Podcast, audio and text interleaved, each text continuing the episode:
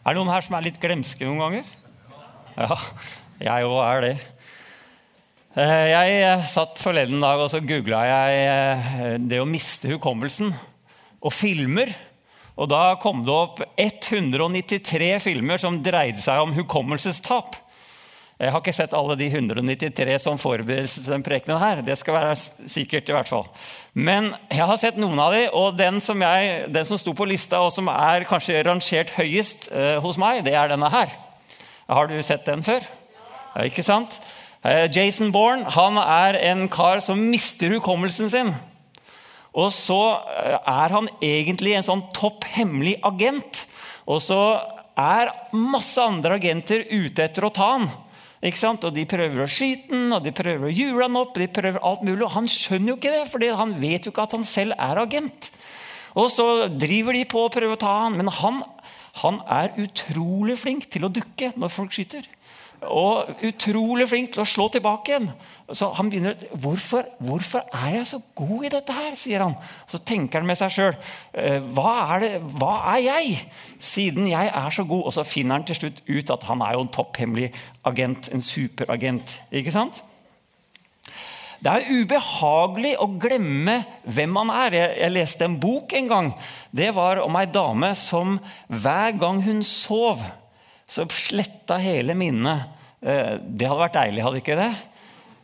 Da våkna det opp på morgenen, og så var det gårsdagens problemer det er bare borte. Jeg husker ingenting av det. Men hun dama her, og Det var en interessant bok, for det er eh, sikkert bare fiksjon. Jeg tror ikke det skjer på, noe, på ordentlig. Men, um, men, denne dama her, hun, hun, hadde jo problemer. da. For Hvis hun bare kunne huske én dag av gangen, så visste hun ikke om de som var rundt henne, var snille eller slemme. Men det visste jo vi som leste boka. Og jeg ble så frustrert på vegne av denne dama. som Hun visste jo ingenting. Så begynte hun å skrive ned så hun skulle huske noe til neste dag. Det er svært ubehagelig å ikke vite hvem man er. Og man trenger ikke å være glemsk for å ikke vite hvem man er. Men man kan begynne å tro på løgner, f.eks. Eller man kan begynne å, å, å tenke at det andre definerer meg som, det er det som er riktig. Nå er det sånn at eh, jeg er ikke så veldig redd av meg. Eh, amygdala inni hodet mitt, eh, det som skaper sånne der, eh, reaksjoner når det skjer noen ting, den er mye mindre hos meg enn det er hos kona mi. Hun skriker bare det er noe som skjer. Jeg er veldig rolig. og sånne ting. Men jeg er redd for én ting. Og det er ikke slanger, det er ikke mus. Katta vår har begynt å levere mus på dørmatta. Ferdig opptygd og alt mulig rart. Alice skriker. Jeg bare, Nei, det gjør ingenting. Det jeg er redd for, det er at jeg skal glemme hvem jeg er. Og da tenker jeg ikke på at jeg skal glemme hei, jeg heter Runar, liksom. For det er ikke så vanskelig. Det ville vært utrolig kjedelig å komme dit. Det kan jo skje når man blir veldig veldig gammel osv. Det er ikke det jeg mener. Men jeg mener at jeg skal glemme det der som Gud har lagt ned i meg, om meg. Og at jeg skal glemme hva han har kalt meg til. At jeg skal glemme at jeg er hans. At jeg skal glemme at jeg er hans barn. At jeg har valgt å følge han. Fordi det handler om å slutte vel. Slutte bra, gjør det ikke det? Det er mange av oss som tenker at det å starte er viktigst. Vi må starte veldig bra. Ja, det er fint. Men vi sier jo du kan starte hvor du vil, bare du ender bra. Og ville det ikke være en katastrofe hvis jeg tok en brink, for å si det på skispråket. Vet du hva brink er for noe? Jørgen Brink. vet du. Stakkars mann. Han leda stafetten for Sverige. Og så På siste runde så møter han veggen noe så veldig Jeg tror han hadde hjerteproblemer også. Og han bare parkerer. Og så kommer nordmennene du, rett forbi og vinner hele stafetten. Altså, jeg, jeg tror han leda med to minutter. Det var helt katastrofe.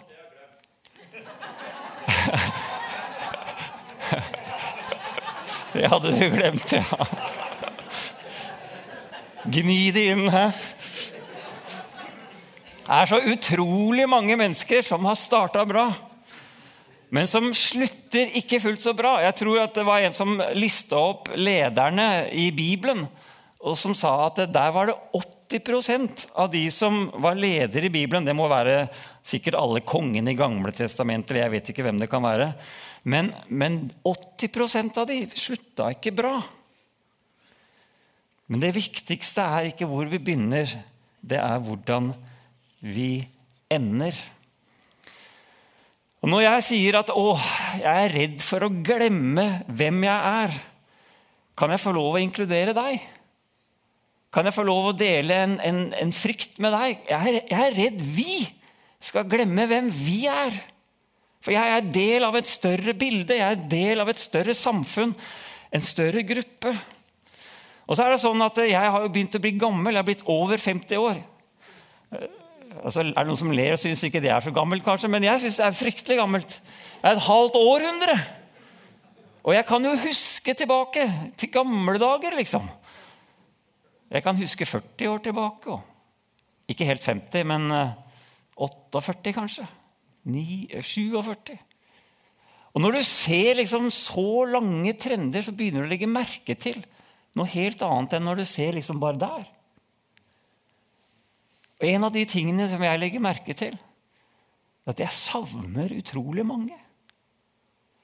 Jeg legger merke til at jeg savner mange av vennene mine. Vennene mine som starta skikkelig skikkelig bra. De var så på'n, altså. de var så tente, de var så fulle av brann og begeistring. Og så virker det som de har glemt hvem de var. Er du med? Skjønner du hva jeg snakker om? Jeg husker jeg starta her i kirka. 25 år siden er det nå. I høst. Det er ganske lenge, det òg. Det er mange mennesker som var her da. Så ser jeg dem ikke lenger. Og så, ja, Det er jo ikke noe rart 25 år. Det er mange som dør i løpet av 25 år. sier du. Ja, ja, men det er ikke den generasjonen jeg tenkte på. Det var de som var på min alder. Jeg tenker ikke på de som har flytta. De som har flytta til et annet sted eller til en annen kirke. Kanskje finne seg en enda bedre kirke. Men tenk på alle de som kanskje har glemt. Glemt hva, da? Jo, at vi er hemmelige agenter, så klart. Eller disipler, om du vil. I går kveld så måtte jeg totalt skrive om hele talen min. Jeg fikk en melding av, av Hilde. 'Passer det at, at, vi synger denne sangen her?' skrev hun på en melding. Og jeg bare Nei, det passer ikke. Men så tenkte jeg jeg skal ikke svare med en gang. Og I løpet av en liten stund så bare kjente jeg at jeg har bomma. Jeg må endre litt. For du ser, Jeg hadde tenkt å snakke om, jeg hadde tenkt å fremsnakke om det å være disippel. Jeg hadde tenkt oss å gi deg alle fordelene av å være disippel. Alle de bra tingene. Jeg skulle kaste visjonen. Jeg skulle liksom Yeah, dette er så bra! Jubel! Vi må bli disipler. Og så tenkte jeg, Etter jeg fikk meldinga, tenkte jeg jeg kan jo ikke gjøre det. Jeg må jo være ærlig.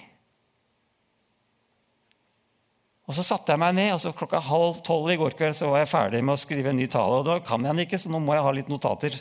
Så men takk skal du ha for at du var lydig, Hilde. Så får vi håpe at sangen slår an på slutten her. Jeg kan jo ikke fortelle en annen historie enn den Jesus forteller. Og Noen ganger så kan vi oppleve å bli korrigert av Jesus, og det ble jeg i går kveld. Men du ser at jeg har en drøm om at denne, denne salen her skal være altfor liten for oss. Vi hadde et eh, komitémøte for noen dager siden, og da tenkte vi, drømte om å slå ut hele den veggen der. Det hadde vært deilig. Men ikke bare for å slå ut veggen, men fordi det var trangt her. At det myldra av liv. At vi skulle ha behov for større plass. Men når det kom mange mennesker til Jesus, hva var det Jesus sa da? På slutten av møtet så sto han der og tok alle hånda. 'Hyggelig at du kom. Ta med en venn neste gang.' Var det det Jesus sa? Jeg gjorde ikke For, Forbausende mange som Jesus bare sendte unna. Nei, gå hjem. Ikke kom tilbake igjen. Han sa ikke det, da, men nesten. Jesus var veldig ærlig. I Lukas kapittel 14 så står det at Jesus fikk en svær menneskemengde som kom. Og så begynner Jesus å snakke om hvordan man skal prioritere. Og så sier han vet du hva, du skal ikke følge meg hvis ikke du er villig til å ta opp korset ditt hver eneste dag. Og bære det. Og fornekte deg selv. Oi! For det er en pris å følge Jesus. Det er ikke bare glory, glory. Det er ikke bare fantastiske, flotte visjoner og masse herlige ting som vi kan være med på. Men det er jo også en pris å følge Jesus.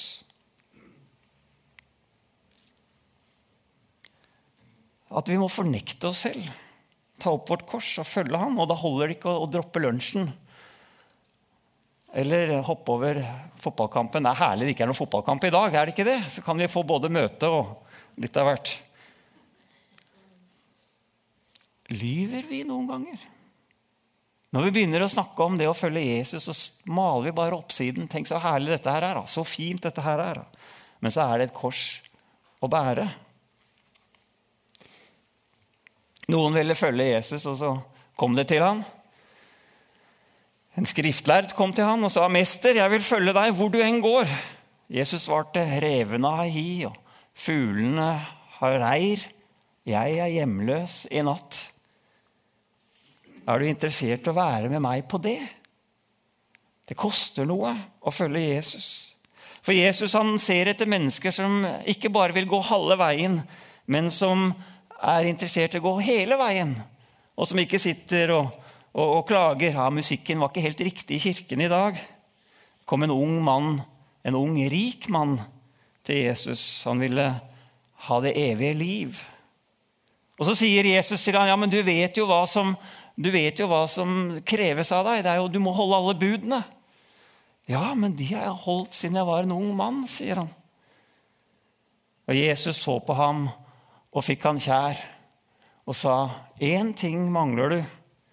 Gå bort og selg alt du eier, og gi det til de fattige. Da skal du få en skatt i himmelen. Kom så og følg meg. Jesus sa det til noen mennesker, men de aller fleste sendte han bort. Men han ble nedslått over dette svaret og gikk bedrøvet bort, fordi han eide mye. Jeg lurte litt på om dette her var egentlig den som skulle bli den 13. disippelen. Eh, hvorfor skulle det bare være tolv, liksom? Svarte alle ja, eller var det noen som også svarte nei, som telte kostnadene? Og I Lukas kapittel 14 så står Jesus og forteller om kostnadene å være disippel. Så sier han men hvis du skal bygge noen svære greier, da setter du deg ned og regner ut hva det koster først. Eller hvis du skal gå i krig, og noen kommer med 20 000 mann, så setter du deg ned og så finner du ut vil mine 10 000 mann være nok til å vinne over den andre armeen der. Hvis ikke, ja, da forhandler jeg fred. Jesus sa, 'Meg er gitt all makt i himmel og på jord.' Gå derfor ut og gjør alle folkeslag til mine disipler. Til disipler! Men er det ikke kristne vi skal bli, da? Jeg har lyst til å stille deg et spørsmål. Jeg stilte dette på bibelgruppa forleden dag, og vi fikk forskjellige svar. Hvis du ser på deg selv, er du en kristen eller er du en disippel? Ja, begge deler, var det noen som svarte. Ja, Men hvis du skal velge, da, hvem er du? Hvordan ser du deg selv? Begge uttrykkene er bibelske. Går det an å stille spørsmål i det hele tatt? Ja, Da måtte jeg jo gå og finne en definisjon på dette. her. Altså gikk jeg til Google igjen. Så i dag er det ikke bare Bibel, det er litt Google også. Er det greit? Så om du er disippel eller kristen, så kan vi si en kristen. Det er, det er forresten Du kan ha både adjektiv og substantiv, altså ordet kristen. Nå var det noen lærere her som var veldig imponert. He? Dette her er barnelærdom fra fjerde klasse. Hvis det er et adjektiv, altså beskriver et substantiv, eh, så betyr det dette her. Kristen. Da forholder du deg til eller bekjenner kristendommen eller dens lære. Så Det betyr at du kan ha en kristen avis. Ja, Den er jo ikke født på ny, avisa. Men den forholder seg til kristendommen og dets lære. Ikke sant? Du har sikkert abonnement på en sånn avis.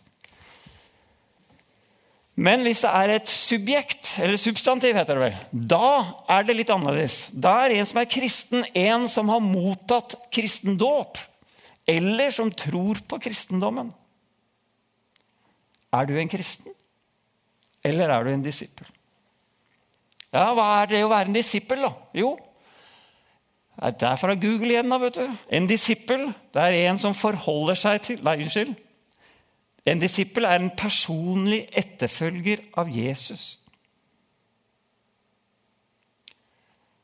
Og noe inni hos meg tenker at det å være disippel er litt mer dynamisk. Litt mer en prosess.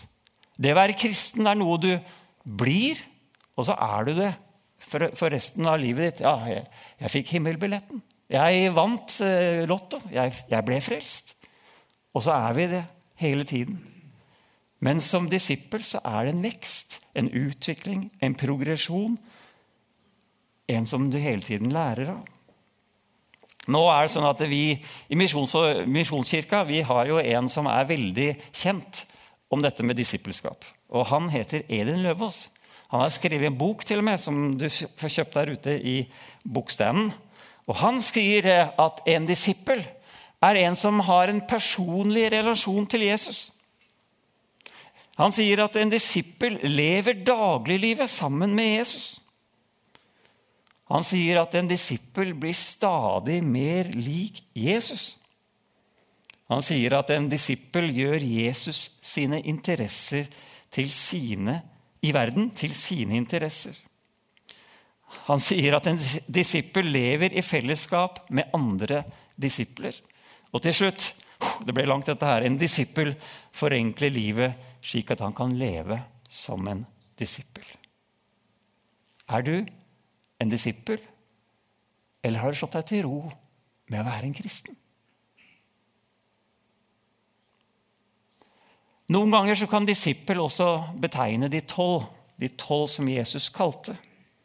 Og Det er ganske interessant å legge merke til når Jesus gikk rundt og kalte de tolv til å være disipler. fordi lite visste de hva som hang i vekten i at de skulle svare ja til å følge Jesus. Det var jo ingen av de som tenkte at ja, nå svarer jeg ja, og så, og så kan jeg få lov å være med å skrive Bibelen. Det var ingen som tenkte sånn. Eller ja, nå sier jeg ja til å følge Jesus, fordi da kan jeg få se noen døde stå opp, og se noen gå på vannet, og jeg kan se noe liksom, tegn og under. og sånn. Det var ingen av de som tenkte det. Det var ingen som tenkte ja, jeg følger Jesus, for da, da får jeg være med på det som satte et skille i verdenshistorien og startet en ny tid.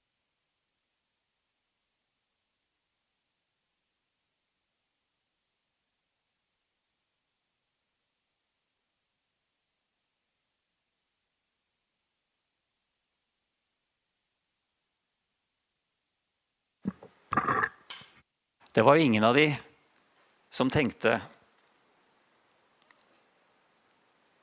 Du vet at jeg, jeg, Dette her koser jeg meg over. altså. Jeg er jo vokst, vokst opp på Hedningemarken. Og, og, jeg fikk min porsjon av min Jesus. Jeg ble mobba fordi vi var kristen, bodde i Hallelujagata ikke sant? Og, og alt mulig sånne ting. Og det var ikke så lett for disse disiplene heller. Men de svarte ikke ja, fordi de visste at alle vi kom til å kalle opp barna våre etter dem men hundene våre etter motstanderen deres. Har du tenkt på det? Vi kaller barna våre Peter og Maria, Jakob, Lukas, Johannes. Og kaller vi bikkjene våre Cæsar og Nero og hele pakka. Det er deilig å tenke på. Oh, men det tenkte ikke de på. De sa bare ja, de. De visste jo ikke hva som var inni liksom løftet i det å være en disippel. De sa bare ja, uten å vite noen ting. Og noen av dem opplevde en helt fantastisk klassereise. Hvis jeg sier til deg ordet Matteus, navnet Matteus, hva tenker du da? Ja, Da tenker du på et av evangeliene i Bibelen. ikke sant? Det som er 28 kapittel. Vi har allerede sitert ett av de versene. Eh, sikkert en veldig flott type. Ja, Hvem var Matteus? Jo, han hadde egentlig et navn, et annet navn. Han het Levi. Og Levi Han var toller og synder. Toller og synder det var ord som du sa i samme åndedrag, for de var like ille begge deler. For hvis du var toller, så var du de som løp okkupantenes ærend. Altså, gå tilbake til krigen. Altså, da var du en nazist, liksom. Du var en som arbeidet for de som hadde okkupert landet. Ikke bare det, men du måtte også betale altså Hvis Peter da, Peter han var jo fisker ikke sant, ved Genesaret. Hvis han skulle opp til Jerusalem og selge fisk, da måtte han betale toll til tollerne. Og tollerne måtte betale ett års avgifter på forskudd. Så da måtte de ta inn masse penger etterpå ikke sant? for å tjene nok, slik at de kunne få, få tjent litt ekstra til lønna si også. Og dermed så ble de veldig fort grådige. Og så tok de inn altfor mye. Og så ble de forhatt av alle menneskene. Og det var Levi. Og Han møtte Jesus en dag, og Jesus sa, 'Kom, følg meg til, til Levi'. Ja, Og så begynte, de, begynte Levi å følge etter, etter, Jesus og ble hans disippel. Og så var det en dag, da, så, Lukas kapittel 5, så, så leser du en dag at eh, han inviterte alle vennene sine og Jesus på likt. Og det blir jo kleint, vet du. Fordi der har du liksom han som var toller og synder, og Jesus og alle disiplene. Og så vennene til Levi. De var jo toller og syndere, de også. Og det var skikkelig kleint. Så, åh, nei, vi kan ikke være her, liksom. Dette går ikke bra. Disiplene var helt sikkert veldig ukomfortable. Og det er som om Jesus sier til disiplene Hør nå. Nå skal jeg vise deg hvordan vi viser verdighet til alle mennesker. Uansett om de er toller eller syndere eller hva de er. Og folket som var der, de murra. Hæ? Han holder sammen med sånne syndere og tollere. Og Jesus adresserte dem med en gang og sa er det de syke som trenger lege? Er det ikke det? Det er syndere som trenger omvendelse. Er det ikke det? Det er derfor jeg er her. Han stakk ikke under en stol at de var både syndere og, og tollere. Men hva skjedde med Matteus? Jo, han fikk gå en klassereise fra å være synder og toller til å være forfatter av evangeliet Matteus. En anerkjent, respekt, respektert mann i våre øyne. Hæ? Er ikke det en enorm klassereise? Jeg, apropos klassereise. Jeg husker, jeg husker jeg vokste opp på Hamar, da, eller på Ottestad utafor Hamar. Da var det én menighet i byen de var berykta fordi de hadde så fin bilpark. Og dette var før, dette var før uh, herlighetsteologien kom. og sånn, altså Dette var på 70-80-tallet. Uh, eh, de hadde utrolig mange fine biler. Og de ble liksom mobba fordi de hadde fine biler. Men hva hadde skjedd egentlig? Hvorfor hadde de fine biler? Jo, de hadde sagt ja til Jesus. Og så hadde de slutta å bruke pengene på alt sånne dumme, ugudelige ting. Og så plutselig, Det var ikke det at de var så veldig interessert i biler, men de foretok en klassereise. Det er helt sjukt å tenke på. Og nå er det sånn at Jeg har fått meg en ny jobb og jobber ute i Misjon uten grenser. og Der er det eh, mange som forteller disse historiene. Vi jobber jo med de fattigste i Europa. I Romania, Moldova og sånne ting. Og, og Da sier koordinatoren vår det, det er ett tidspunkt forandringen kommer. Det er når mennesker sier ja til Jesus. Plutselig så slutter de å ta dårlige valg. Plutselig så går de fra å leve i avhengighet til hjelp og, og assistanse til å bli selvberga og selvforsynte. Det er helt rått.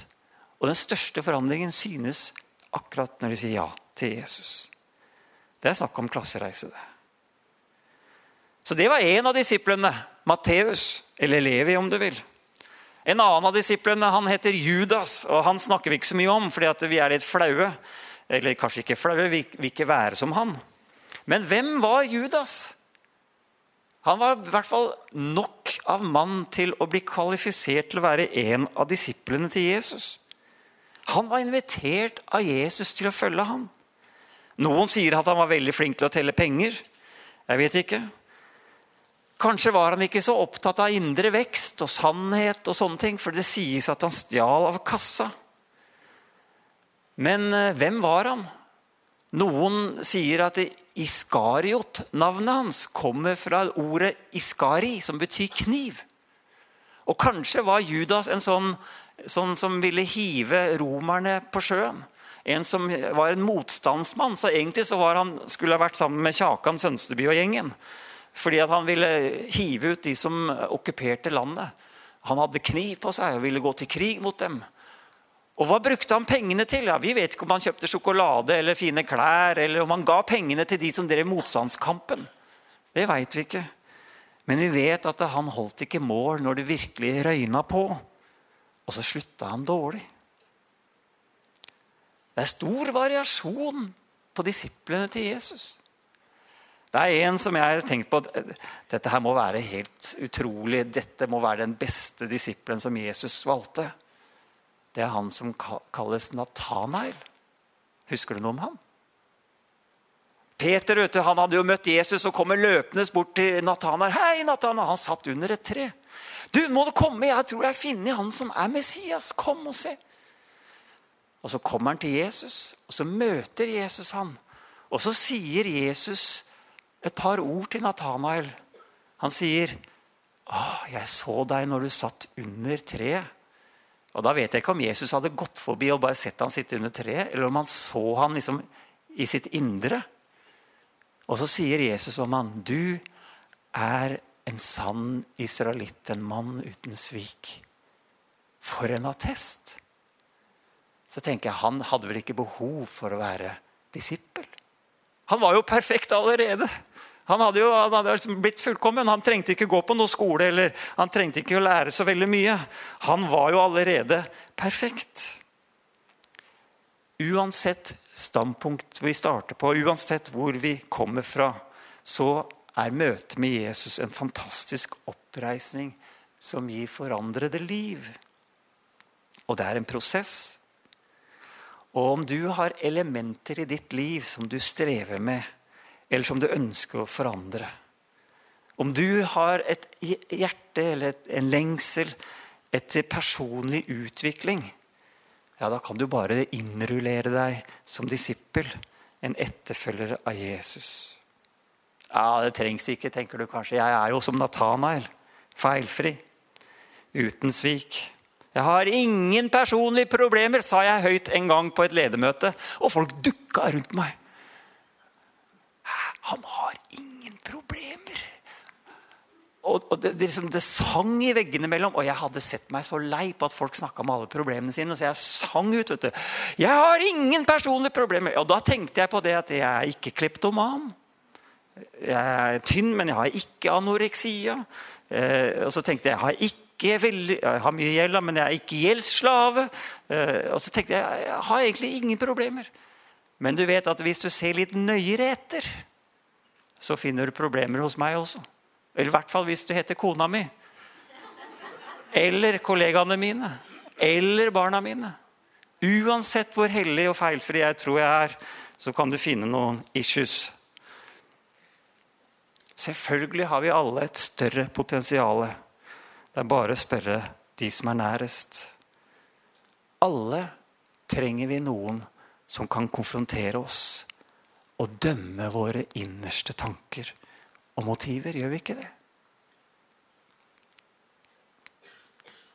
Jeg satt og leste i Bibelen for noen dager siden. Jeg leste om, om en, jeg leste fra Jeremia.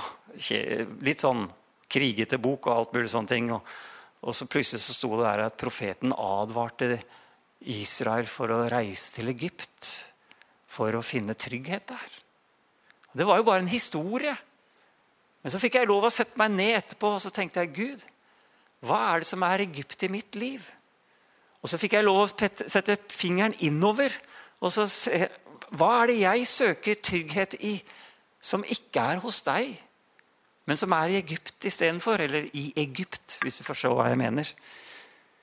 Og Sånn kan vi oppleve at Gud kan sette fingeren i livene våre og utfordre våre standarder og våre livsførsler.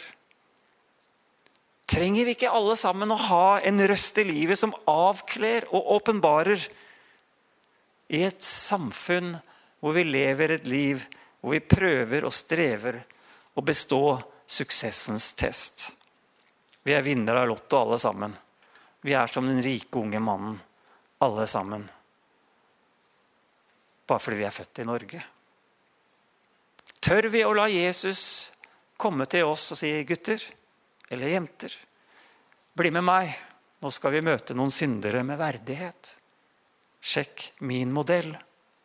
Følg etter meg. Hvordan ah, Nå har jeg jo glemt det der. Hvordan ser du deg selv? Har du glemt hvordan du ser ut? Lar du andre definere deg, slik at du tror på hva de sier? Er du bare en kristen? Har du tatt valget? Venter du med å få oppfyllelsen og himmelbilletten? Eller er du en disippel hvor du fokuserer daglig på læring, vekst og bli den beste utgaven av deg selv? En råspennende, selvutviklende livsstil. Men også en livsstil hvor det er fokus på handling. Å følge Jesus handler nemlig ikke om deg. Jesus sier at det dreier seg om å elske sin neste. Paulus sier det også i Galaterne 5. Hele loven blir oppfylt i dette ene budet. Du skal elske de neste som deg selv. Og han følger opp med å si at det eneste som gjelder Her gjelder bare tro, virksom i kjærlighet. Jeg hadde tenkt å snakke mye om alt det gøye vi kan gjøre som disipler. Det får bli en annen gang, en gang ut i november. For jeg fant ut at jeg måtte snakke om prisen også. For hvis vi skal være disipler, så må vi ikke gjøre det så det blir så, in, det blir så mye inflasjon at det blir så billig. Det koster å være en disippel. Jeg hadde tenkt at ja, alt du trenger å si, er ja. hadde jeg tenkt å si. Du trenger bare å si ja til hans kall, følge etter han. Det er så enkelt. Han vil jo gi deg kraften til det. Han vil gi deg av sin ånd til å være disippel. Men det er også en pris. Og når jeg tenkte på kvelden i kveld, så tenkte jeg åh, hva om vi kunne se på det som dyrebart å være disippel? Ikke bare lettvint. Dyrebart. Han ble nagla til et kors. Han forlot himmelens herlighet og ble et menneske. Og så ble han nagla til et kors. Og så spør han vil du følge meg. Det er litt mer vanskelig. Han vil gi oss en ny natur. Han vil forandre oss fra innsiden. Men vi må fornekte oss selv og ta opp vårt kors og følge han. Og det er en kamp hver dag. Vi må dø hver dag. Ikke fysisk, men til vår egoisme.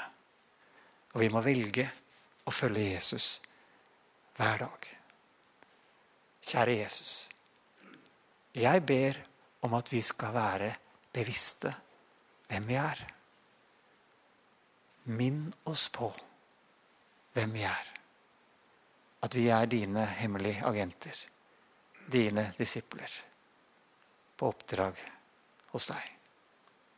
Jesus, jeg ber at du skal hjelpe oss til å huske.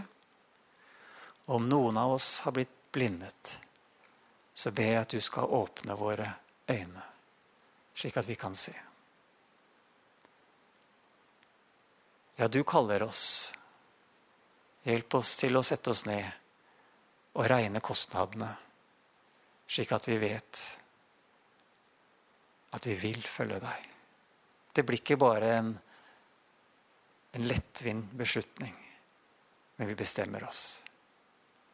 Jeg og mitt hus vil tjene Herren. Takk for din nåde. Takk for din godhet. Takk for ditt kall, som gjelder alle. Amen.